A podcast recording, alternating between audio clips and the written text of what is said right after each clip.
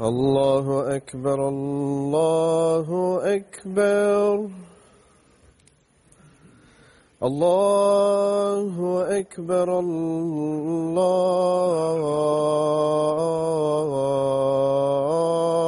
الله أكبر أشهد أن لا إله إلا الله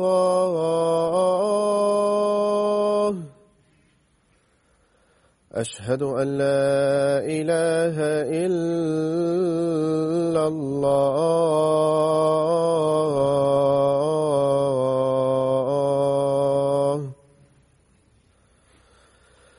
أشهد أن محمد رسول الله.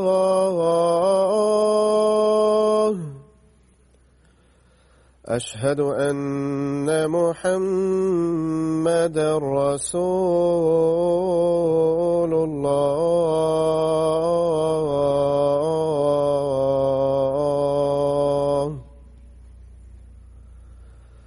حي على الصلاة.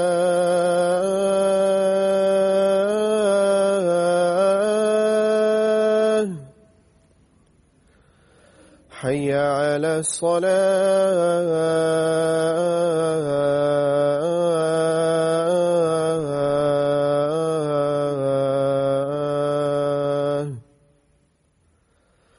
حي على الفلاح.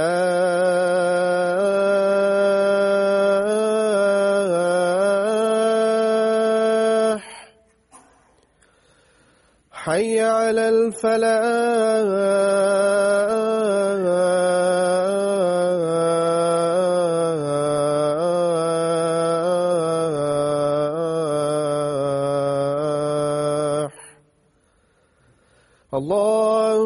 أكبر الله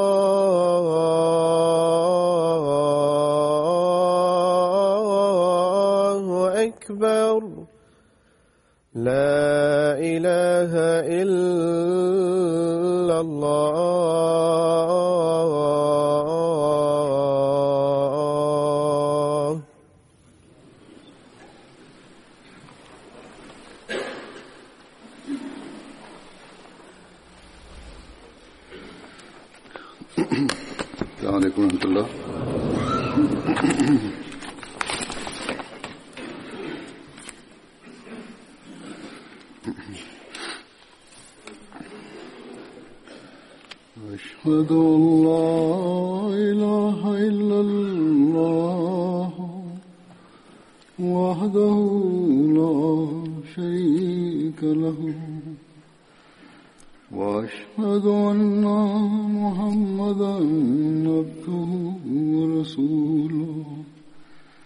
أما بعد فأعوذ بالله من الشيطان الرجيم.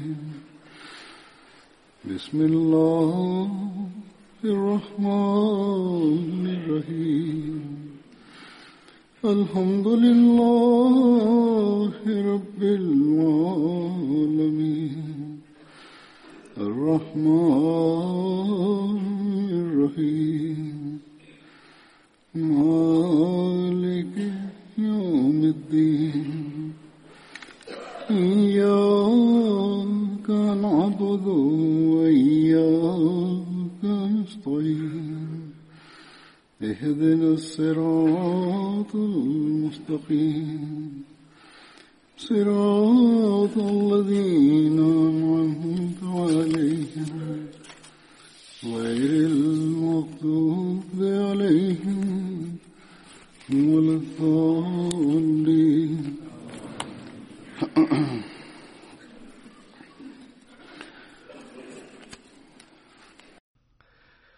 Hadrat Khalad bin Amru bin Jamu Ansari adalah termasuk sahabat Badar.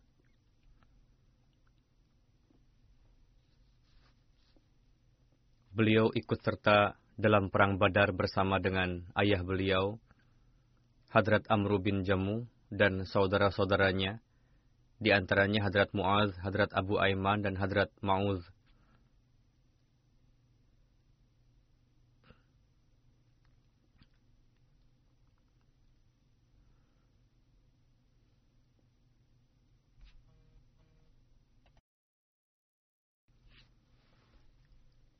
Berkenaan dengan Hadrat Abu Aiman diriwayatkan bahwa beliau bukanlah saudara Hadrat Khalad, melainkan hamba sahaya yang dibebaskan oleh ayah anda beliau.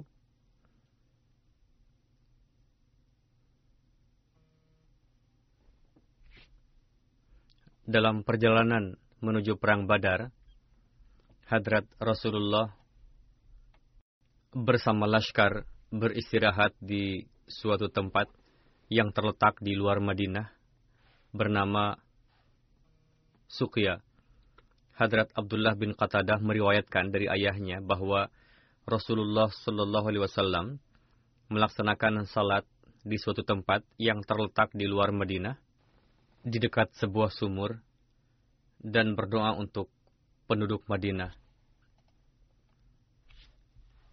Hadrat Adi bin Abi Az-Zawwa dan Bas-Bas bin Amru hadir di hadapan Rasulullah di tempat tersebut. Berdasarkan riwayat lainnya, Hadrat Abdullah bin Amru bin Haram juga menghadap Rasulullah dan berkata, Wahai Rasulullah,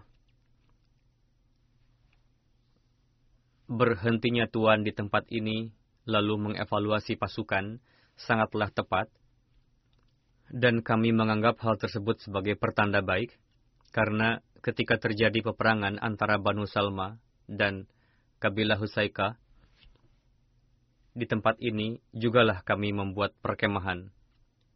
Huzur bersabda, beliau menjelaskan pengalaman lamanya sebelum datang Islam. Di sekitar Madinah terdapat sebuah gunung yang bernama Zubab, dan Husaikah terletak di dekat gunung tersebut, di mana di sana terdapat penduduk Yahudi dalam jumlah banyak. Beliau mengatakan bahwa pada tempat ini jugalah kami berhenti dan mengevaluasi kehadiran pasukan. Mereka yang mampu untuk berperang diizinkan untuk ikut, sedangkan yang tidak mampu dipulangkan. Lalu kami berangkat menuju Yahudi Husaikah. Pada masa itu, Yahudi Husaikah menguasai penduduk Yahudi lainnya. Kami telah berhasil membunuh mereka sesuai rencana. Di antara mereka terjadi peperangan yang besar. Untuk itu beliau mengatakan, Wahai Rasulullah, saya berharap ketika berhadapan dengan Quraisy nanti, semoga Allah menganugerahkan kemenangan kepada Tuhan di atas mereka, sebagaimana yang telah kami dapatkan pada masa dulu. Hadrat Khalad bin Amru menuturkan, ketika mulai siang, saya pergi ke Kharba, di mana keluargaku tinggal. Kharba adalah nama suatu kawasan di mana terdapat rumah-rumah umat muslim. Ayah saya, Hadrat Amru bin Jamu, mengatakan, saya rasa kamu telah pergi dalam riwayat sebelumnya dikatakan bahwa ayah beliau, Hadrat Amru bin Jamu, ikut serta dalam perang Badar. Padahal ayah beliau tidak ikut. Dari riwayat tersebut dapat diketahui dan dari riwayat setelah itu juga bahwa kalian telah pergi. Saya bertanya, wahai Rasulullah, saya beritahukan kepada beliau bahwa Rasulullah tengah mengevaluasi dan menghitung jumlah pasukan di daerah Sukia. Lalu Hadrat Amru mengatakan, ini merupakan pertanda yang sangat baik. Demi Tuhan, aku berharap semoga kalian mendapatkan harta rampasan dan mendapatkan kemenangan dari kaum musyrik Quraisy. Pada hari ketika kami berangkat menuju Husaykah, kami pun memasang kemah di sini dari riwayat lama ini membenarkan seperti yang telah diriwayatkan sebelumnya. Lalu terjadi peperangan antara sesama Yahudi. Hadrat Khalad meriwayatkan Rasulullah mengganti nama Husaykah menjadi Suqiyah. Saya berhasrat untuk membeli Suqiyah. Namun Hadrat Sa'ad bin Abi Waqas telah mendahuluiku dengan menukarnya dengan dua ekor unta. Berdasarkan riwayat lain, dengan tujuh uqiyah, yakni membelinya dengan 280 dirham. Ketika hal ini disampaikan kepada Hadrat Rasulullah, beliau bersabda, Robi halbaya, yakni jual beli ini sangat menguntungkan.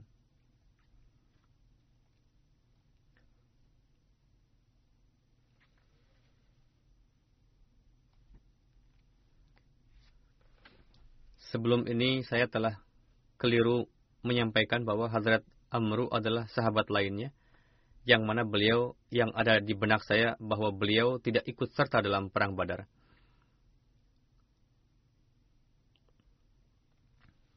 Oh ternyata benar apa yang saya sampaikan tadi bahwa ayah beliau tidak ikut serta dalam perang Badar. Hadrat Khalad, ayah beliau dan Hadrat Aiman ketiganya ikut serta dalam perang Uhud dan ketiganya syahid. Yakni ketiganya ikut serta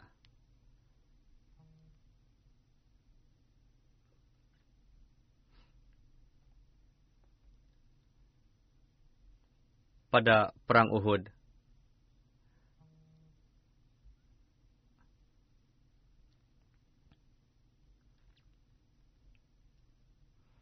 Ayah beliau tidak ikut pada perang Badar. Sebetulnya beliau ingin ikut, namun karena satu kaki beliau cacat, untuk itu putra-putra beliau melarangnya untuk ikut pada perang Badar. berkenaan dengan ayahanda Hadrat Khalad diriwayatkan bahwa dalam menghadapi perang Badar, Hadrat Rasulullah menghimbau untuk jihad. Disebabkan kaki Hadrat Amru cacat, sehingga anak-anak beliau melarang beliau untuk ikut serta pada perang Badar. Memang Allah Ta'ala pun memberikan keringanan kepada orang-orang yang cacat, karena itulah Allah anak-anak beliau melarangnya bahwa kami empat anak akan pergi berperang. Untuk itu ayah tidak perlu lagi ikut serta. Dan Allah Ta'ala pun memberikan keringanan kepada ayah.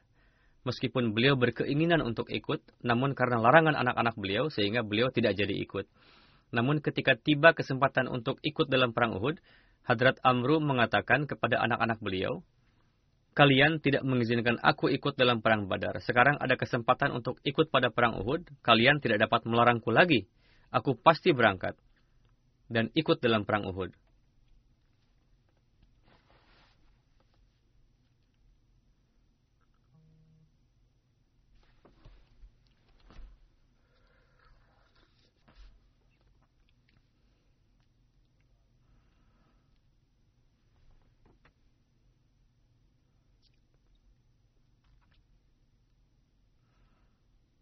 Anak-anak beliau ingin melarang ayahnya disebabkan oleh keadaan fisik yang tidak mendukung. Namun kali ini beliau sendiri menghadap Rasulullah untuk langsung meminta izin dari Rasulullah. Lalu beliau menemui Rasulullah dan berkata, anak-anak saya kali ini juga ingin melarang saya untuk ikut berjihad. Sebelum ini mereka melarang untuk ikut perang Badar, begitu juga untuk perang Uhud. Saya ingin ikut serta bersama Huzur untuk berjihad demi Tuhan. Saya berharap semoga Allah Ta'ala menerima hasrat hati saya dan menganugerahkan mati syahid kepada saya. Sehingga saya bisa masuk ke dalam surga dengan kaki saya yang cacat ini. Hadrat Rasulullah bersabda, Wahai Amru, memang Allah Ta'ala memberikan keringanan atas keadaan Anda. Sehingga jihad tidak wajib bagi Anda. Lalu Rasulullah bersabda kepada anak-anak beliau, kalian jangan menghalangi beliau dari kebaikan. Jika memang beliau berhasrat demikian, biarkanlah beliau melakukannya. Semoga Allah Ta'ala akan menganugerahkan mati syahid kepada beliau. Lalu Hadrat Amru mengambil senjata dan berangkat ke medan Uhud sambil berdoa, Allahumma rzuqni syahadatun wala tarudduni ila ahli khaiba. yakni ya Allah, anugerahkanlah kepadaku mati syahid dan janganlah engkau pulangkan aku ke rumah dalam keadaan gagal. Allah Ta'ala mengabulkan doa beliau, sehingga beliau syahid dalam perang Uhud. Ibunda Hadrat Khalad bernama Hadrat Hin binti Amru. Ayah beliau pun bernama Amru dan juga suaminya. Bukan, mertua maksudnya. Beliau adalah bibi dari Hadrat Jabir bin Abdullah. Hadrat Hin menaikkan jenazah suami putra dan saudara beliau ke atas unta. Lalu ketika diperintahkan, beliau mengembalikannya ke Bukit Uhud dan dimakamkan di Bukit Uhud. Pertama-tama, Hadrat Hin membawa ketiga jenazah itu ke Madinah, lalu dibawa lagi ke Bukit Uhud. Peristiwa lengkapnya dijelaskan berikut ini bahwa merupakan kehendak Allah Ta'ala supaya para syuhada Uhud ini dimakamkan di Bukit Uhud. Riwayatnya sebagai berikut.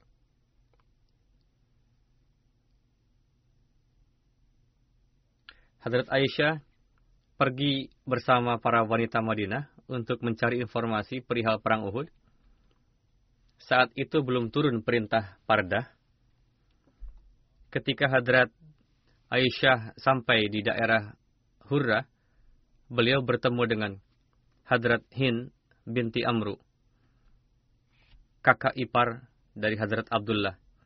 Hadrat Hin tengah menarik unta. Di atas unta tersebut terdapat jenazah suami beliau, Hadrat Amru bin Jammu, putra beliau, Hadrat Khalad bin Amru, dan saudara beliau, Hadrat Abdullah bin Amru. Hadrat Aisyah bertanya, Apakah Anda mengetahui bagaimana keadaan orang-orang yang ada di belakang? Hadrat Aisyah berusaha mendapatkan informasi perihal medan perang. Hadrat Hind berkata, Hadrat Rasulullah baik-baik saja.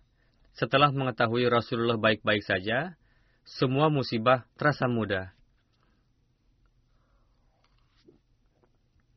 Lalu Hadrat Hind membaca ayat berikut. Waradallahu alladhina kafaru bighazihim lam yanalu khaira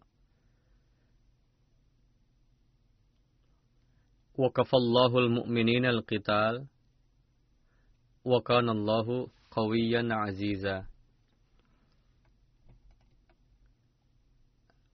Artinya, dan Allah telah mengembalikan orang-orang yang ingkar dalam kemarahan mereka, dan mereka tidak memperoleh kebaikan apa pun. Dan Allah mencukupi orang-orang mukmin dalam perang itu. Allah Maha Kuat, Maha Perkasa. Hadrat Aisyah bertanya, jenazah siapa saja yang ada di atas unta ini? Hadrat Hind menjawab, saudara saya, anak saya Khalad, dan suami saya, Amru bin Jamu. Huzur bersabda,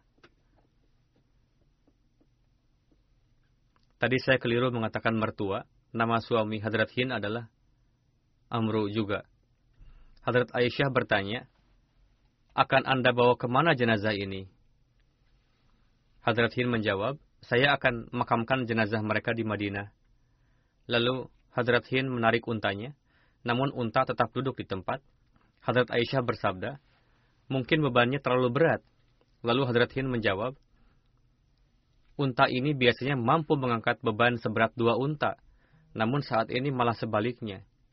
Lalu Hadrat Hind memarahi untanya, lalu untanya bangun, namun ketika diarahkan ke Madinah, unta itu malah duduk lagi.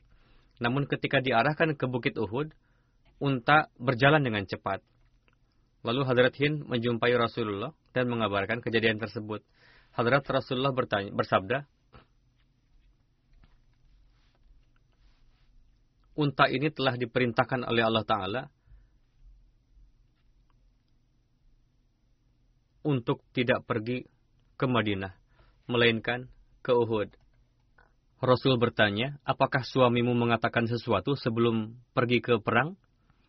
Hadrat Hind berkata, ketika Amru akan berangkat ke Uhud, sambil menghadap ke kiblat, beliau mengatakan, Ya Tuhan, janganlah engkau kembalikan aku kepada keluargaku dalam keadaan malu.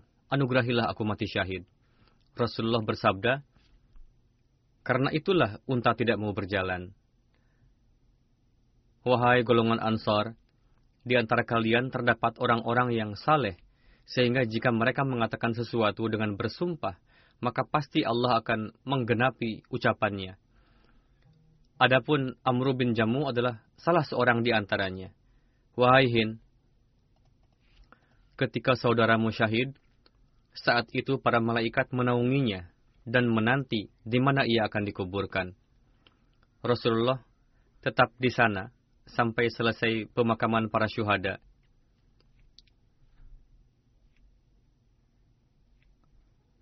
Lalu bersabda, Wahai Hin, Amr bin Jamu adalah anakmu Khalad, dan saudaramu Abdullah akan bersahabat di surga.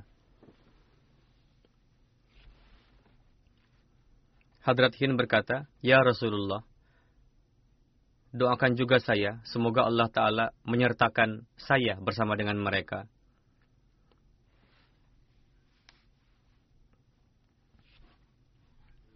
Sahabat berikutnya bernama Hadrat Uqbah bin Amir. Ibunda beliau bernama Faqihah binti Sakan. Ayahanda beliau Amir bin Nabi. Beliau pun beriman kepada Rasulullah. Ibunda beliau pun mendapatkan taufik untuk bayat kepada Rasulullah. Hadrat Uqbah bin Amir termasuk ke dalam enam sahabat Ansar yang pertama beriman di Mekah, beliau pun ikut serta pada bayat Aqabah pertama. Riwayat lengkapnya dituliskan oleh Hazrat Mirza Bashir Ahmad dalam buku Sirat Khatamun Nabiyyin bahwa berkat upaya Rasulullah pesan Islam sampai di Madinah. Setelah itu, seperti biasa Hadrat Rasulullah ketika tengah melakukan lawatan ke kabilah-kabilah di dalam Ashharul Haram, beliau mendapatkan kabar bahwa seorang pria terkenal di Yasrib bernama Suwaid bin Samit tiba di Mekah.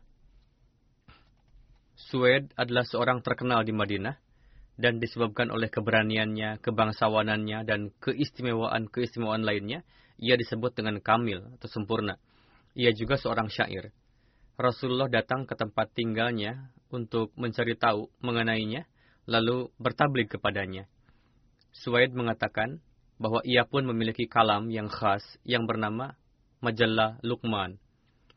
Rasul bersabda, mohon perdengarkan sebagiannya kepada saya. Lalu Suwaid memperdengarkan sebagian sahifahnya kepada Rasulullah. Beliau Shallallahu Alaihi Wasallam memujinya, yakni apa yang diperdengarkan itu adalah perkara-perkara baik. Rasulullah bersabda, kalam yang ada pada saya sangat agung dan luhur derajatnya. Lalu Rasulullah memperdengarkan sebagian ayat Al-Quran. Setelah Rasul menyelesaikan tilawat, Suaid mengatakan, memang benar firman yang disampaikan sangat baik. Meskipun orang ini bukan muslim, namun dalam ungkapannya, ia membenarkan Rasulullah dan tidak mendustakan beliau. Namun sayang, sekembalinya ke Madinah, ia tidak mendapatkan kesempatan yang banyak dan tidak lama dari itu ia terbunuh dalam suatu kekacauan. Peristiwa ini terjadi sebelum Perang Buas. Setelah itu, tidak lama dari masa itu, yakni sebelum pecahnya Perang Buas, ketika Rasulullah tengah melakukan lawatan ke berbagai kabilah pada waktu haji, tiba-tiba pandangan beliau tertuju kepada beberapa orang asing dari kabilah Aus yang datang untuk meminta bantuan kepada Quraisy dalam menghadapi para penyembah berhala Khazraj. Peristiwa ini pun terjadi sebelum Perang Buas, seolah-olah permohonan bantuan ini merupakan satu bagian persiapan perang tersebut. Rasulullah pergi untuk bertablik kepada mereka, setelah mendengar pidato Rasulullah, seorang pemuda bernama Ayas langsung menyaut, Demi Tuhan, apa yang disampaikan oleh orang ini, yakni Rasulullah, kepada kita adalah lebih baik dari apa yang menjadi tujuan kedatangan kita kemari, yakni alih-alih meminta bantuan untuk berperang, lebih baik kita mengarahkan pandangan kepada Allah Ta'ala. Namun ketua kelompoknya mengambil kerikil lalu melemparkannya ke muka pemuda itu dan berkata, Diam kamu. Bukan untuk itu kita datang kemari. Seperti itulah akhirnya terputus. Namun tertulis ketika Ayas kembali ke kampung halamannya, dan ketika menjelang kewafatannya, ia mengucapkan kalimat tauhid. Beberapa masa kemudian, pasca perang Buas pada tahun 11 Nabawi, bulan Rajab, Hadrat Rasulullah bertemu lagi dengan penduduk Mekah di Yasrib pada tahun ke-11 kenabian. Setelah menanyakan silsilah keturunan, beliau SAW mengetahui bahwa mereka adalah kabilah Khazraj yang datang dari Yasrib. Dengan nada yang penuh kasih sayang, Rasul bersabda, Apakah Anda mau mendengarkan beberapa hal yang akan saya sampaikan? Mereka menjawab, ya silahkan. Beliau Shallallahu Alaihi Wasallam duduk, lalu menyeru mereka kepada Islam dengan memperdengarkan beberapa ayat Al-Quran dan menyampaikan misi beliau. Mereka saling melihat satu sama lain dan berkata, ini adalah kesempatan baik, jangan sampai Yahudi mendahului kita. Setelah mengatakan itu, semuanya bayat. Mereka berjumlah enam orang, yang namanya di antaranya Abu Umamah Asad bin Zurarah, dari Banu Najjar yang paling pertama membenarkan. Auf bin Harith dari Bani Najjar berasal dari kabilah nenek moyang kakek Rasulullah. Abdul Muttalib. Rafi bin Malik dari Banu Zurek. Al-Quran yang telah turun sampai seperti sekarang ini, pada kesempatan itu diberikan oleh Rasulullah kepada beliau. Qutbah bin Amir dari Bani Salamah, Uqbah bin Amir dari Bani Haram, ini masih mengisahkan sahabat Badar bernama Hadrat Uqbah bin Amir, dan Jabir bin Abdullah bin Riyab dari Bani Ubaid. Setelah itu, mereka pamit kepada Rasulullah, dan ketika pergi mengatakan, peperangan telah membuat kami lemah.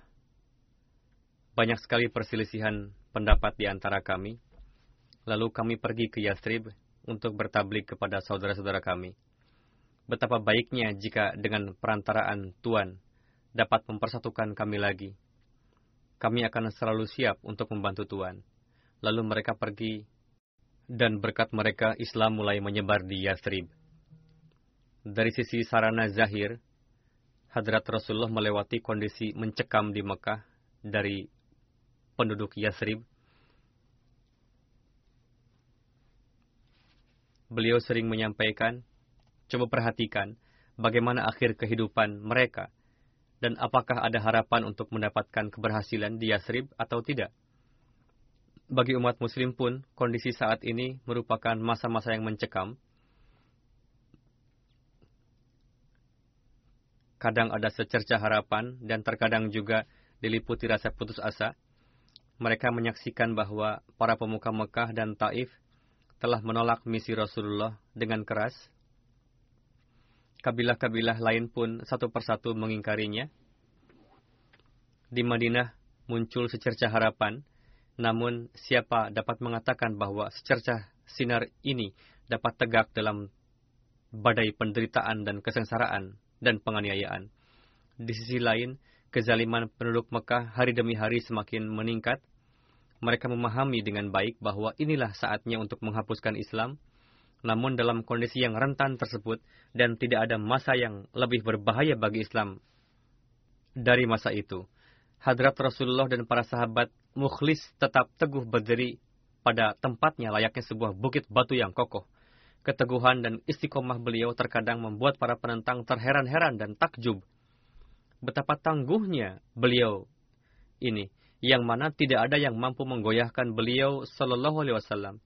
Bahkan dalam setiap ucapan Rasulullah terdapat ru'ub dan keperkasaan.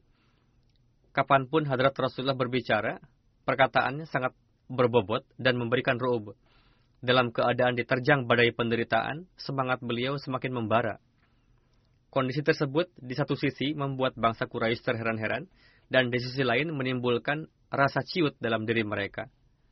Berkenaan dengan kondisi itu, Sir William Muir menulis, pada masa-masa itu, Muhammad Shallallahu Alaihi Wasallam sedemikian rupa berperan sebagai pembakar semangat kaumnya sehingga terkadang dalam kondisi yang sama sekali tidak berdaya pun, pada akhirnya menjadi dipenuhi optimisme akan mendapatkan kemenangan.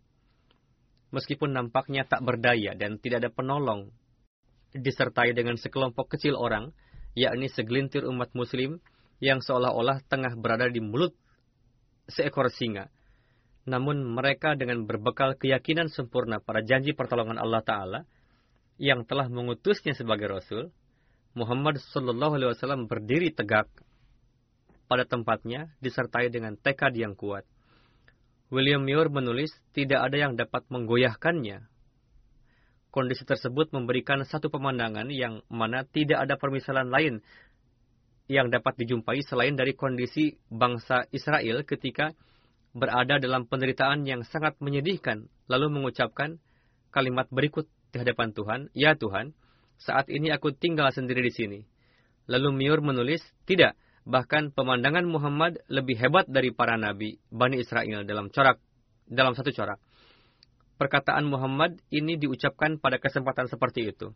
Wahai segala penderitaan yang menimpa kaumku, apa pun yang ingin kalian lakukan, lakukanlah. Aku pun tetap teguh di atas harapan. Walhasil itu adalah masa-masa yang sangat rentan bagi Islam. Dari pihak penduduk Mekah, sama sekali sudah tidak ada harapan. Namun di Madinah timbul secerca harapan. Salah satunya disebabkan oleh beberapa orang yang bayat tadi, dan Rasulullah mengarahkan perhatian dengan serius ke arah itu, yakni apakah Madinah pun akan mengingkari seperti penduduk Mekah dan Taif, atau nasibnya tertulis dalam corak lain.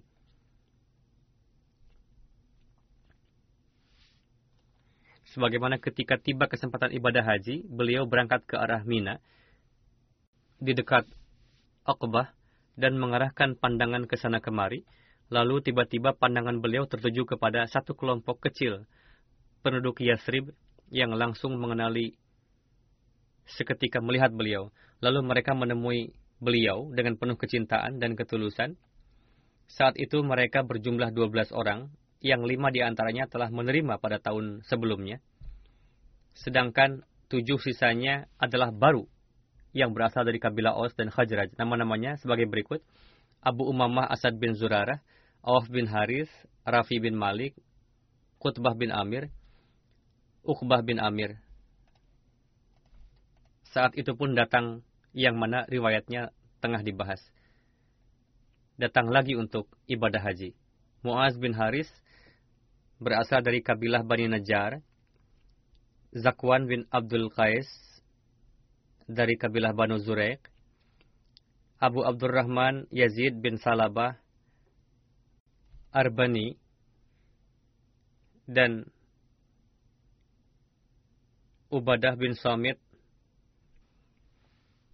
Azbani of dari Bani Bali dari Bani Auf, kabilah Khajraj. Abbas bin Ubadah bin Nazlah dari Bani Salim. Abul Haytham bin Tihan dari Bani Abdul Ishal. Dan Uwaim bin Saidah dari Amru bin Auf kabilah Aus. Hadrat Rasulullah meninggalkan orang-orang, lalu menemunya di suatu lembah. Mereka mengabarkan kondisi Yasrib kepada kedua belas orang itu, dan kali ini semuanya bayat di tangan beliau. Bayat tersebut merupakan batu pondasi berdirinya Islam di Madinah. Karena sampai saat itu belum diperintahkan jihad dengan pedang, untuk itu Rasulullah mengambil bayat dari mereka hanya dengan kalimat-kalimat seperti janji bayat yang diambil dari para wanita pasca turunnya perintah jihad, yakni kami akan meyakini bahwa Tuhan itu satu, tidak akan berbuat syirik, tidak akan mencuri, tidak akan berzina, tidak akan membunuh, tidak akan menuduh, dan akan selalu itaat kepada beliau dalam setiap amalan saleh. Pasca bayat, Rasulullah bersabda, jika kalian tetap teguh pada janji tersebut dengan sebenar-benarnya, maka kalian akan meraih surga. Namun jika memperlihatkan kelemahan, maka urusannya dengan Allah Ta'ala. Dia akan memperlakukan sesuai dengan yang dia kehendaki. Dalam sejarah, bayat ini dikenal dengan bayat Aqabah pertama, karena tempat yang digunakan untuk mengambil bayat adalah Aqabah yang terletak di antara Mekah dan Mina. Arti kata Aqabah adalah jalan pegunungan tinggi. Ketika meninggalkan Mekah, kedua belas mu'alaf itu memohon supaya dikirimkan seorang mu'alim bersama kami yang akan mengajarkan Islam kepada kami dan akan menyampaikan tabligh Islam kepada saudara-saudara yang musyrik. Lalu beliau mengutus Mus'ab bin Umair, seorang pemuda yang sangat mukhlis dari kabilah Abduddar. Pada masa itu, mubalik Islam disebut dengan Qari atau Muqari, karena tugas utama mereka adalah mengajarkan Al-Quran. Karena inilah yang merupakan cara tabligh yang terbaik, Lalu Mus'ab pergi ke Yasrib, dan di Yasrib dikenal dengan sebutan Muqari.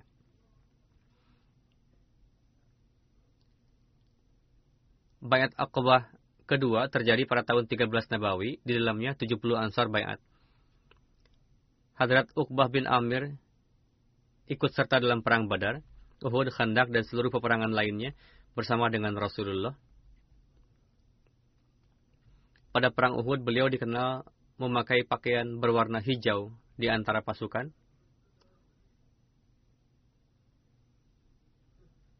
Beliau wafat pada masa kekhalifahan Hadrat Abu Bakar pada 12 Hijri dalam Perang Yamamah.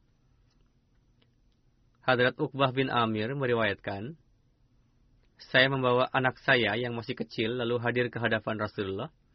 Saya berkata,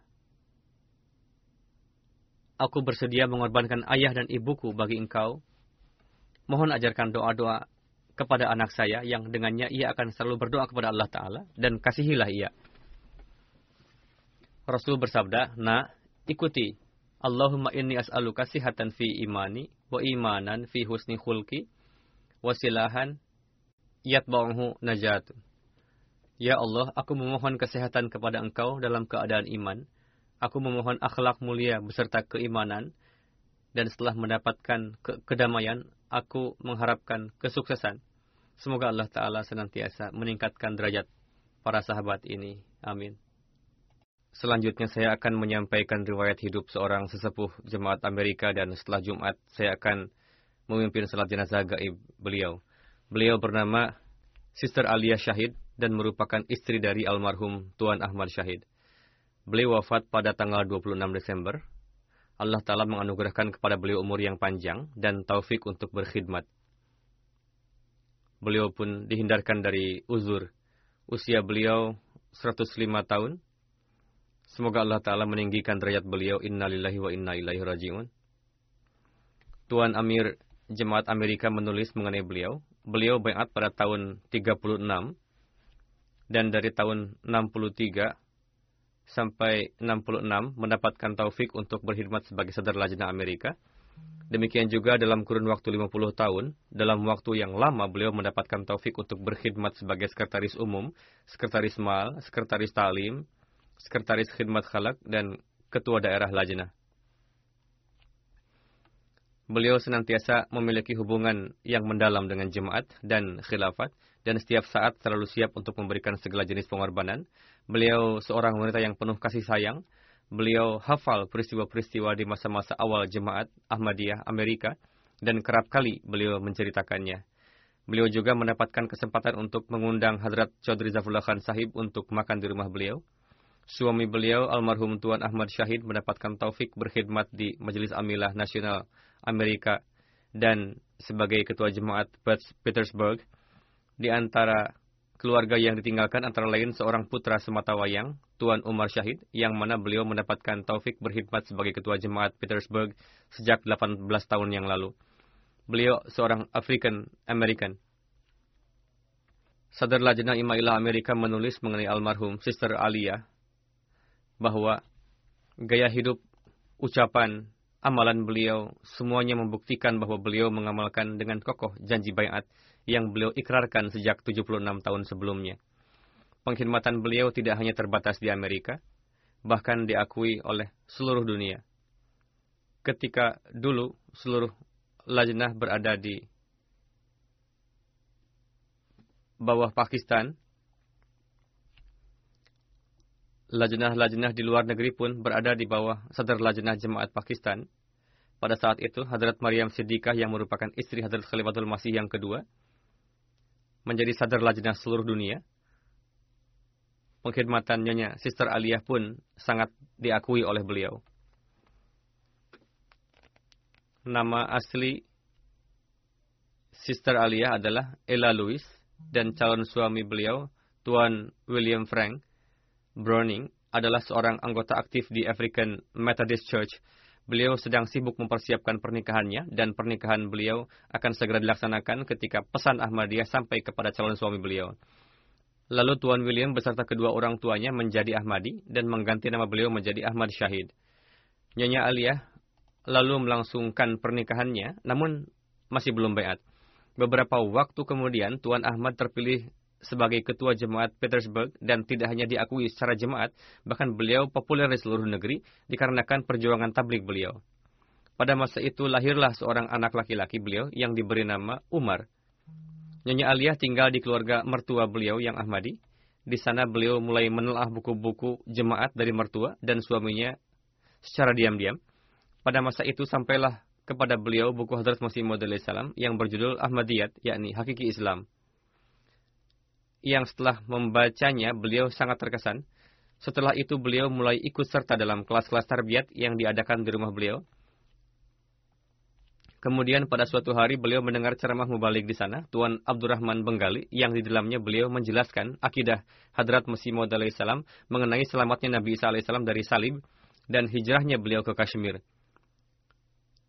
Nyonya Aliyah selalu mengisahkan bahwa setelah itu beliau tidak lagi pergi ke gereja dan mulai pergi ke masjid. Dan pada akhirnya menerima jemaat pada tahun 36. Mengenai bagaimana nama beliau menjadi Aliyah, beliau menceritakan bahwa beliau membaca sebuah nama, yaitu Aliyah, di dalam suatu buku, dan beliau menyukai nama tersebut. Setelah menjadi Ahmadi, beliau mengganti namanya dengan nama tersebut. Sister Aliyah selalu haus akan ilmu. Beliau biasa membersihkan masjid, memasak masakan di masjid, melaksanakan salat. Tidak hanya mencari ilmu, bahkan beliau juga dengan kerendahan hati melakukan wikari amal. Beliau melakukan pekerjaan-pekerjaan jemaat dengan tangan beliau sendiri. Kami melihat beliau selalu memperhatikan akhlak yang luhur. Beliau menjenguk orang yang sakit, membayar canda, setiap saat selalu melakukan kebaikan-kebaikan, apa pun itu bentuknya.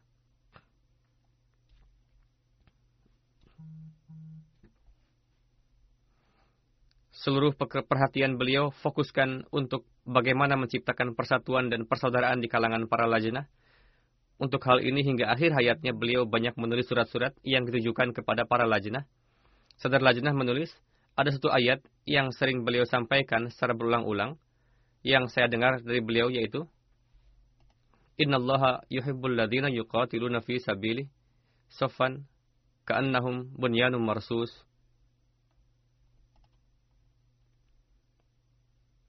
Beliau selalu mengulang-ulang ayat tersebut yang yakni artinya sesungguhnya Allah menyukai orang-orang yang berperang di jalan Allah dalam barisan yang teratur seakan-akan mereka seperti suatu bangunan yang tersusun kokoh. Saudara Lajnah menulis, bahwa beliau adalah yang pertama kali meletakkan pondasi Masjid Fan di, Amerika. Demikian pula beliau yang pertama kali mencanangkan Muslim Student Scholarship Fund di masa kepemimpinan beliau, dilaksanakan istimewa tahunan untuk pertama kalinya.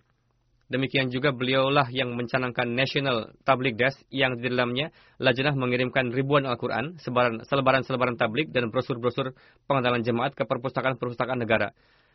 Beliau juga menerbitkan suatu buletin lajnah yang namanya diberikan langsung oleh saudara lajnah internasional pada masa itu, Hadrat Maryam Siddiqah.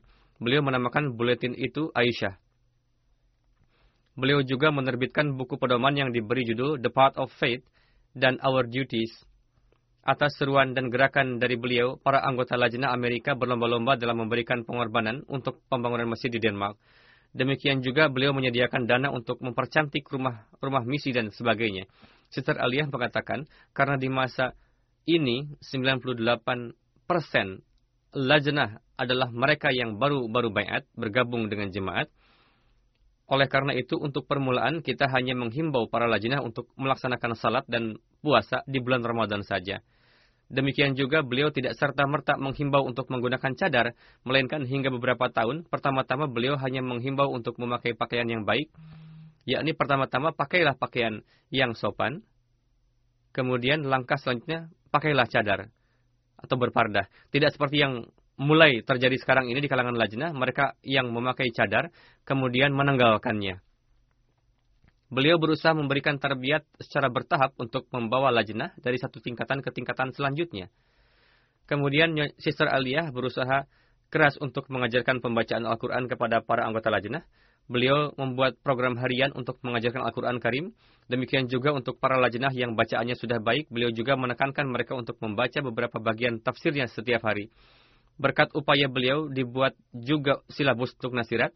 Di kalangan nasirat timbul kecintaan untuk mempelajari ilmu agama. Almarhumah berupaya sekuat tenaga untuk menciptakan ruh pengorbanan di dalam diri para anggota.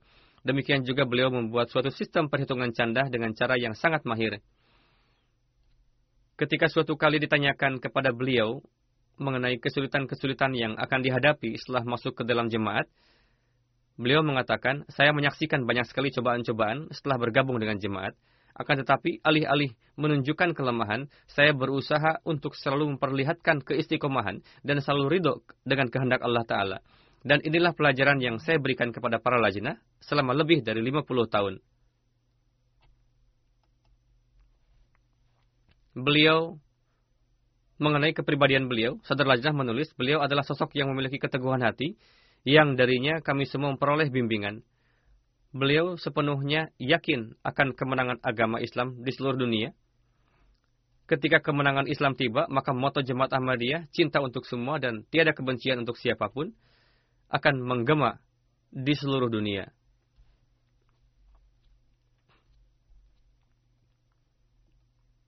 Demikian pula beliau memiliki keyakinan yang sempurna kepada nizam khilafat dan menyatakannya sebagai kunci dari kemenangan Islam yakni nizam khilafat akan tetap tegak, dan insya Allah dengan hal inilah kemenangan Islam akan terjadi. Beliau selalu mengatakan hal ini. Beliau selalu berusaha untuk menasihatkan dan menyampaikan pesan ini kepada para anggota jemaat melalui ratusan panggilan telepon dan surat-surat. Pada tanggal 23 Maret 2008, pesan yang beliau sampaikan kepada para lajnah adalah sebagai berikut tahun ini, pada tanggal 1 Januari 2008, di seluruh dunia, para pengikut Hazrat Masih Maud Islam berkumpul di masjid-masjid dan rumah-rumah misi mereka. Dan sebagai rasa syukur, mereka melaksanakan salat tahajud. Mengapa kita tidak melakukan hal ini? Ini adalah tahun di mana 100 tahun yang lalu khilafat Masih Maud kita tercinta ini berdiri. Ya Allah, jauhkanlah segala rintangan-rintangan yang menghalangi jalan Ahmadiyah dan perlihatkanlah kepada kami kemenangan yang telah engkau janjikan. Hadrat Masih Maud salam telah meletakkan pondasi jemaat ini dan menyatukan kita selayaknya satu tubuh. Oleh karena itu, kita para Ahmadi merasakan rasa sakit satu sama lain, saling berempati satu sama lain ketika terjadi musibah, saling mendoakan satu sama lain, kebahagiaan yang satu menjadi kebahagiaan yang lainnya, dan kegelisahan yang satu menjadi kegelisahan bagi yang lainnya. Dengan karunia Allah Ta'ala, kita adalah satu. Di dalam pesannya kepada para membayin baru dan seluruh anggota lajnah di sana, beliau menulis, merupakan karunia Allah Ta'ala yang khas kepada saya bahwa saya beruntung melihat kemajuan jemaat dalam kehidupan saya. Merupakan karunia Allah Ta'ala yang khas kepada saya bahwa saya beruntung melihat kemajuan jemaat dalam kehidupan saya. Merupakan karunia Allah Ta'ala atas kita bahwa dia telah memilih jemaat kita untuk menyebarkan dan menghormati Islam kita setiap minggu bisa mendengar suara khalifah dan dengan mengamalkan petunjuk-petunjuk beliau, kita bisa meraih kemajuan dalam hal agama dan dunia. Kemudian terakhir beliau menulis, saya berdoa, Ya Allah, singkirkanlah segala macam rintangan yang menghalangi kemenangan Islam, jadikanlah diri kami sebagai gambaran sejati dari agama kami, dan anugerahkanlah kepada kami para penolong agama yang banyak. Demikianlah beliau khususnya di Amerika Serikat, telah banyak berperan besar dalam menyatukan para membayiat baru Afri Afrika Amerika. Putra beliau, Tuan Umar Syahid yang merupakan ketua jemaat Petersburg menulis, kedua orang tua saya adalah tentara yang mempertahankan Islam dengan perantaraan Ahmadiyah dan Khilafat. Ibu saya dengan tekun menulis surat kepada Huzur dan menasihatkan juga kepada saya untuk menulis surat kepada Khalifah. Doakanlah semoga saya dan anak keturunan saya bisa mengikuti jejak langkah almarhumah. Mengenai bagaimana begitu banyaknya para anggota jemaat yang mengungkapkan perasaan mereka mengenai sosok ibu saya, saya tidak pernah membayangkan sebelumnya bahwa begitu banyaknya orang-orang jemaat yang mencintai dan menghormati beliau. Ada seorang Ahmadi lainnya di jemaat setempat menyatakan, Sister Alia Aziz Lord mengatakan, setelah menerima Ahmadiyah, beliau, yakni Nyonya Alia Syahid, menjalani hidup sebagai seorang Ahmadi yang penuh teladan. Ketika beliau menjabat sebagai sekretaris taklim, dikarenakan rasa segan kepada beliau, tidak ada seorang pun yang mau gagal dalam ujian taklim yang beliau buat. Oleh karena itu, kami berkumpul bersama mengadakan persiapan untuk menghadapi ujian. Dari segi usia, beliau jauh lebih tua dari saya, akan tetapi beliau tetap memiliki hubungan persahabatan dengan saya. Ada satu hal yang saya lihat dalam diri beliau, yaitu ketika ditanyakan kepada beliau suatu persoalan keilmuan, maka alih-alih memberikan jawaban ke sana kemari berdasarkan pendapat sendiri, beliau selalu memberikan jawaban berdasarkan ajaran Islam berkenaan dengan hal tersebut.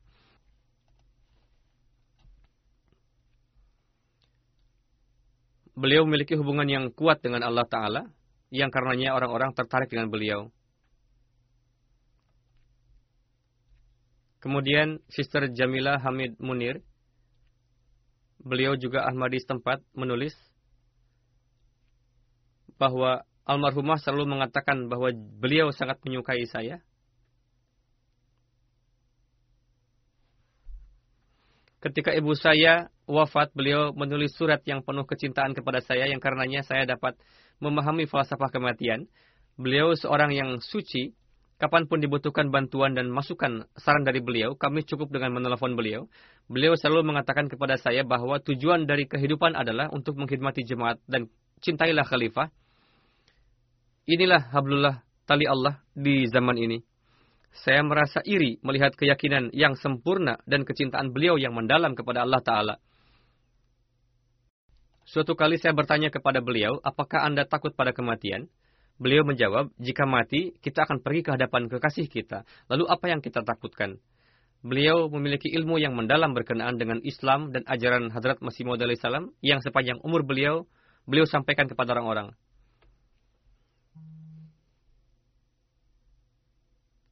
Kemudian seorang Ahmadi setempat lainnya, Dr. Rashidah Ahmad, mengatakan, bahwa almarhumah sangat keras menerapkan ajaran Islam untuk diri beliau sendiri, namun beliau memberikan nasihat kepada orang lain dengan penuh kasih sayang.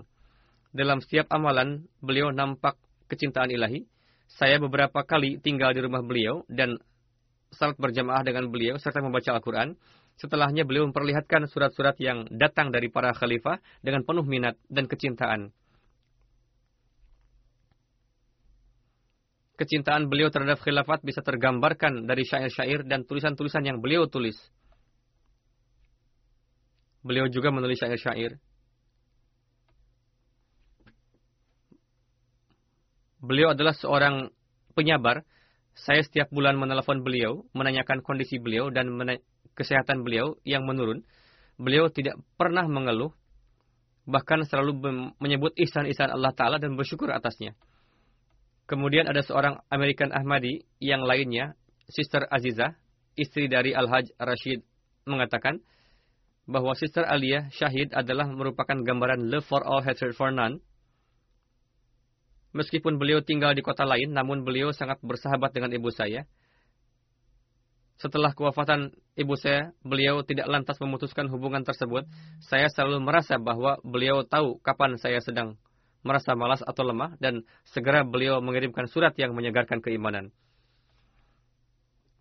Kemudian ada seorang anggota lajnah, Nyonya Khulad menulis bahwa pada tahun 49 ketika pertama kalinya saya datang ke Amerika, pada saat itulah saya kenal dengan Nyanyi Aliyah. Pada saat itu saya berusia 8 tahun. Ketika pertama kalinya saya bertemu beliau, nampak kepada saya beliau seorang yang penuh kecintaan, rendah hati dan meninggalkan kesan yang baik. Beliau memiliki hubungan yang kuat dan sudah berlangsung lama dengan khilafat. Beliau sering kali menceritakan korespondensi beliau dengan Hadrat Muslim Maud. Pengkhidmatan beliau untuk Lajnah Imailah Amerika tidak bisa terlupakan. Beliau memiliki kerohanian yang sangat luar biasa. Meskipun beliau berusia 100 tahun lebih, beliau selalu berusaha ikut serta dalam jasa. Ini menjadi teladan bagi kita semua. Semoga Allah telah meningkatkan derajat beliau dan semoga Allah telah menciptakan ruh dan semangat pengkhidmatan agama di dalam diri anak keturunan beliau dan para generasi muda. Sebagaimana juga telah disampaikan oleh putra beliau. Amin.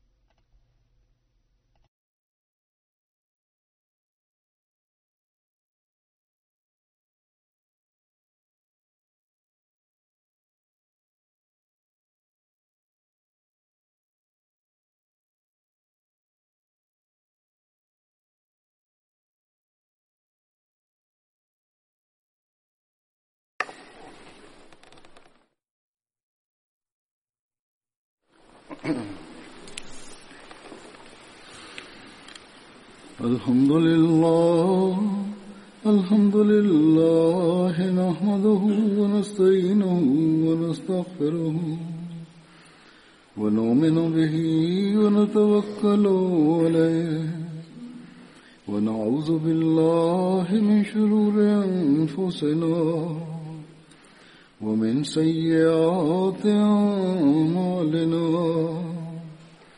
من يهده الله فلا مضل له ومن يضلل فلا هادي له. ونشهد أن لا إله إلا الله ونشهد أن محمدا عبده ورسوله. عباد الله رحمكم الله.